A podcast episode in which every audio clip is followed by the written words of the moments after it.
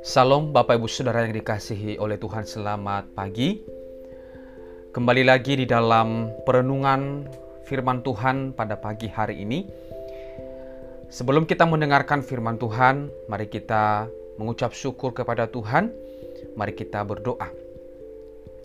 Tuhan Yesus kami sungguh bersyukur atas kemurahan-Mu Tuhan Yesus kami mengucap syukur atas kebaikan-Mu pertolongan dan pemeliharaanmu yang begitu luar biasa sempurna atas kami ya Tuhan. Terima kasih sepanjang malam hari ini Tuhan telah menolong kami, melindungi kami sampai pagi ini ya Tuhan kami kembali bangun dengan kekuatan yang baru daripada Tuhan. Dan sebelum kami melakukan segala kegiatan kami, aktivitas kami sepanjang hari ini Tuhan, kami mau membuka hati kami untuk mendengarkan merenungkan firman-Mu pada saat ini. Tuhan kiranya Engkau Allah memberkati pendengaran kami, memberkati hati kami ya Tuhan, sehingga kami boleh memahami dan mengerti firman yang kami dengarkan pada pagi hari ini dan terlebih dari semuanya itu Tuhan, mampukan kami untuk bisa melakukan setiap kebenaran firman-Mu di dalam kehidupan kami. Terima kasih Tuhan, kami mau membuka hati kami dan siap untuk menerima firman-Mu pada pagi hari ini. Di dalam nama Tuhan Yesus, kami berdoa dan mengucap syukur. Haleluya. Amin. Bapak Ibu Saudara yang dikasihi oleh Tuhan, mari bersama-sama mendengarkan firman Tuhan, renungan yang akan kita dengarkan pada pagi hari ini masih di dalam kitab Mazmur Bapak Ibu Saudara dan kita sudah tiba di dalam Mazmur pasal 120. Bapak Ibu Saudara pasal 120 ini terdiri dari tujuh ayat dan mari kita bersama-sama menyimak dan membaca serta merenungkan firman Tuhan pada pagi hari ini. Saya akan membacakan ayat ini kepada kita Bapak Ibu Saudara. Mari kita uh, dengarkan bersama-sama. Mazmur 120 ayat 1 sampai ayat yang ketujuh. Nyanyian ziarah. Dalam kesesakanku aku berseru kepada Tuhan dan ia menjawab aku. Ya Tuhan, lepaskanlah aku daripada bibir dusta, daripada lidah penipu. Apakah yang diberikan kepadamu dan apakah yang ditambahkan kepadamu, hai lidah penipu? Panah-panah yang tajam dari pahlawan dan bara kayu arar. Celakalah aku karena harus tinggal sebagai orang asing di Mesek, karena harus diam di antara kemah-kemah Kedar.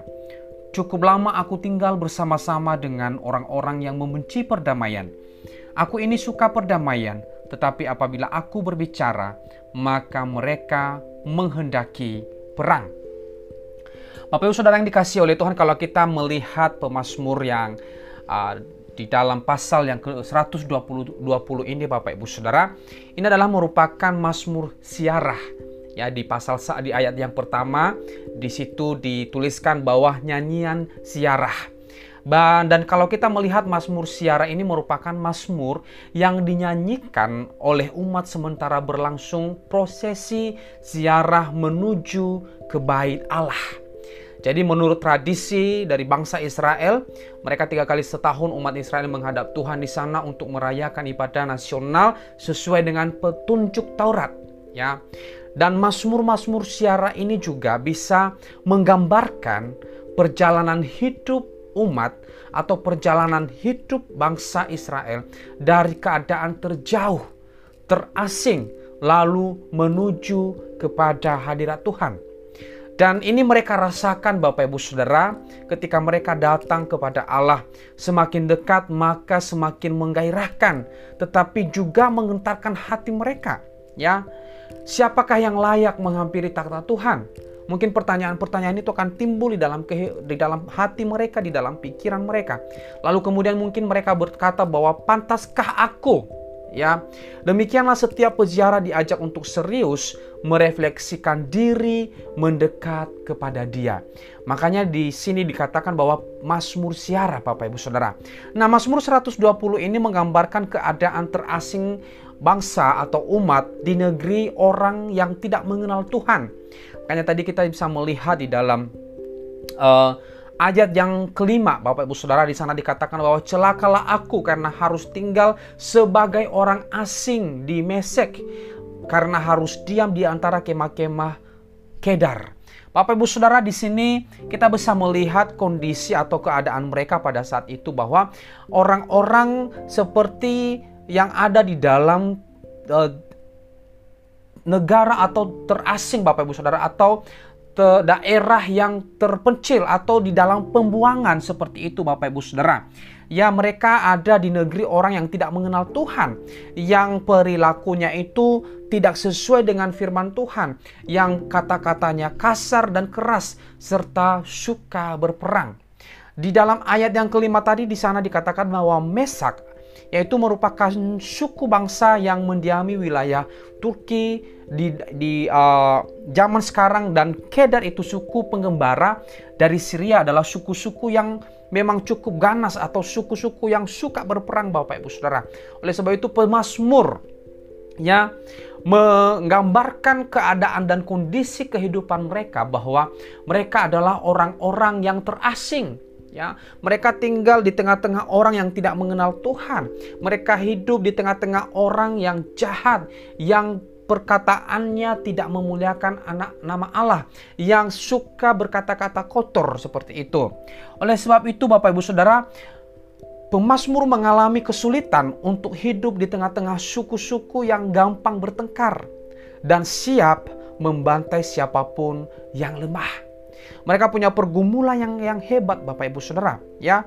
Lalu kemudian dalam keadaan seperti itu sebenarnya godaan besar bagi pemasmur atau bagi bangsa Israel adalah untuk ikut-ikutan menyesuaikan diri. Nah, di sini diuji iman mereka. Di sini integritas mereka diuji Bapak Ibu Saudara. Pemasmur diuji bagaimana kesetiaannya kepada Tuhan. Apakah dia benar-benar mengikut Tuhan dengan serius atau dia justru terlibat di dalam situasi yang sedang terjadi di sekitarnya. Nah, dalam kondisi seperti itu sebagai manusia pasti mudah sekali tergoda untuk kompromi dengan situasi. Ya, ada istilah yang mereka mengatakan seperti ini bahwa siapa yang kuat maka dia yang menang. Nah, jika iman bangsa Israel, Bapak Ibu Saudara, atau pemasmur pada saat itu tidak kuat, tidak kokoh, maka dia bisa ikut arus. Maka dia akan menjadi orang yang akan hidup di dalam kehidupan yang sama seperti suku-suku yang ada di sekitarnya ya. Di negara di negeri yang asing dia tinggal. Mereka melakukan yang jahat di mata Tuhan.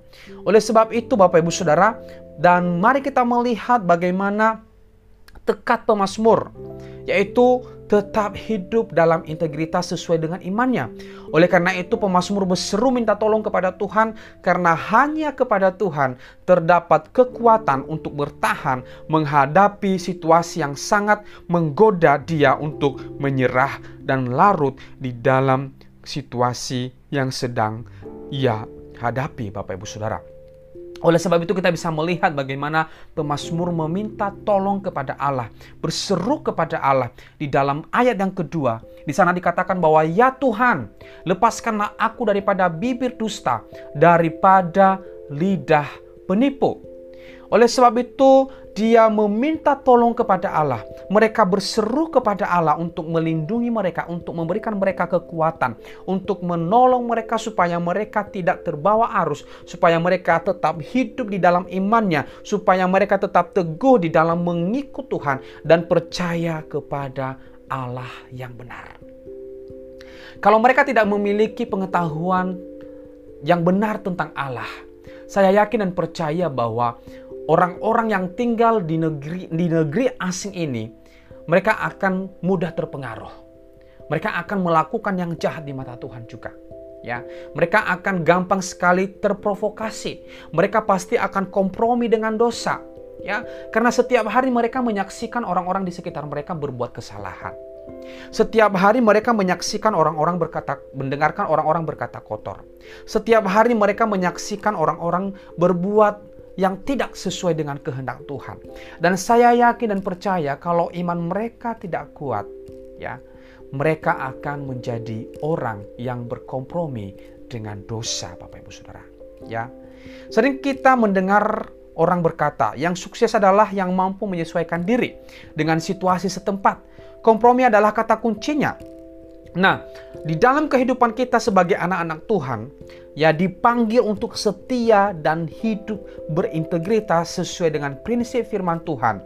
Dan ini adalah merupakan satu kata kunci yang harus kita pegang, yang harus kita miliki sebagai orang-orang percaya adalah mengandalkan Tuhan dan setia sampai akhir. Bapak Ibu Saudara masih ingat firman Tuhan yang uh, disampaikan pada hari Minggu kemarin Bapak Ibu Saudara bagaimana uh, yang mengatakan bahwa kepada siapa engkau berteman ya ya itu akan menentukan bagaimana engkau berperilaku. Ya, lingkungan seperti apa? Ya, kondisi lingkungan seperti apa engkau tinggal? Ya, bisa saja itu akan menyeretmu ke dalam sebuah perangkap untuk jauh daripada Tuhan. Oleh sebab itu Bapak Ibu Saudara, kita tinggal di tengah-tengah dunia yang sedang hancur, ya. Kita tinggal di tengah-tengah dunia yang penuh dengan dosa Bapak Ibu Saudara. Oleh sebab itu kita perlu menjaga diri kita. Kita membentengin diri kita. Sebagai anak-anak Tuhan, mari kita uh, menunjukkan integritas kita di tengah-tengah dunia yang berdosa ini, ya. Dan ketika kita tinggal di tengah-tengah komunitas yang tidak mengenal Tuhan, contohnya Bapak Ibu Saudara, hanya dua pilihan, ya. Apakah kita memberikan pengaruh atau menjadi orang yang terpengaruh. Dan inilah yang harus kita renungkan. Dan inilah yang harus kita pikirkan setiap saat Bapak Ibu Saudara. Ya, oleh sebab itu mari kita tidak tergoda terhadap situasi-situasi yang ada di sekitar kita. Bagaimanapun orang uh, mengatakan kepada kita, "Oh, ayo kita ke sini, kita ke sini. Oh ini enak sekali ya. Hidup di, di tempat ini sangat luar biasa nikmatnya. Hidup di dunia yang memikirkan hal-hal yang duniawi, memikirkan hal-hal yang tidak sesuai dengan firman Tuhan itu tuh ya indah sekali. Bapak Ibu Saudara, mari kita kembali melihat bahwa kita ini adalah anak-anak Tuhan, adalah anak-anak terang. Oleh sebab itu kita perlu bercahaya di tengah-tengah dunia yang gelap di mana pun kita berada Bapak Ibu Saudara. Ya, oleh sebab itu mari kita melihat kepada siapa kita berteman. Ya, lalu kemudian jika kita hidup atau tinggal di lingkungan yang jahat Bapak Ibu Saudara, atau yang mungkin di tengah-tengah orang yang tidak percaya kepada Tuhan, mari kita tunjukkan kehidupan kita sebagai anak-anak Tuhan dengan yakin, dengan percaya bahwa kita harus memberikan pengaruh. Di dalam 1 Korintus Pasal 15 ayat 33. Janganlah kamu sesat, pergaulan yang buruk merusakkan kebiasaan yang baik. Jika kita berkompromi, maka pergaulan-pergaulan yang buruk itu akan merusak kebiasaan-kebiasaan yang baik yang mungkin sudah kita lakukan, Bapak Ibu Saudara. Ya, mungkin dulunya kita rajin ibadah, tetapi karena kita ikut-ikutan, karena kita ikut kompromi dengan dosa, maka kehidupan kita akan diseret ke dalam kegelapan Bapak Ibu Saudara. Oleh sebab itu, di mana pun Bapak Ibu Saudara tinggal, jadilah berkat di sana. Jadilah pembawa terang di sana. Jadilah saluran berkat di tengah-tengah dunia di mana kita berada. Bapak Ibu Saudara yang dikasih oleh Tuhan. Kiranya firman Tuhan malam hari ini, Pemasmur 120 ini kembali mengingatkan kita bahwa Tuhan akan menolong kita. Kalau kita memiliki iman yang kuat, memiliki iman yang teguh di dalam Tuhan, maka saya yakin dan percaya kondisi apa pun yang terjadi di sekitar kita, kita tidak mudah terpengaruh karena kita punya iman yang kuat. Oleh sebab itu mari kita membentengin diri kita dengan firman Tuhan. Mari kita membentengin keluarga kita dengan kebenaran-kebenaran. Mari kita membentengin anak-anak kita dengan kebenaran-kebenaran yang baik sesuai dengan kebenaran firman Tuhan. Sehingga mereka tidak berkompromi dengan dosa. Tetapi mereka tetap hidup di jalan yang benar. Hidup di jalur yang benar. Hidup di jalan-jalan yang sesuai dengan kebenaran firman Tuhan. Terpujilah nama Tuhan, kiranya firman Tuhan uh, menolong kita untuk tetap hidup di dalam kebenaran-kebenaran firman Tuhan. Terpujilah Tuhan. Shalom.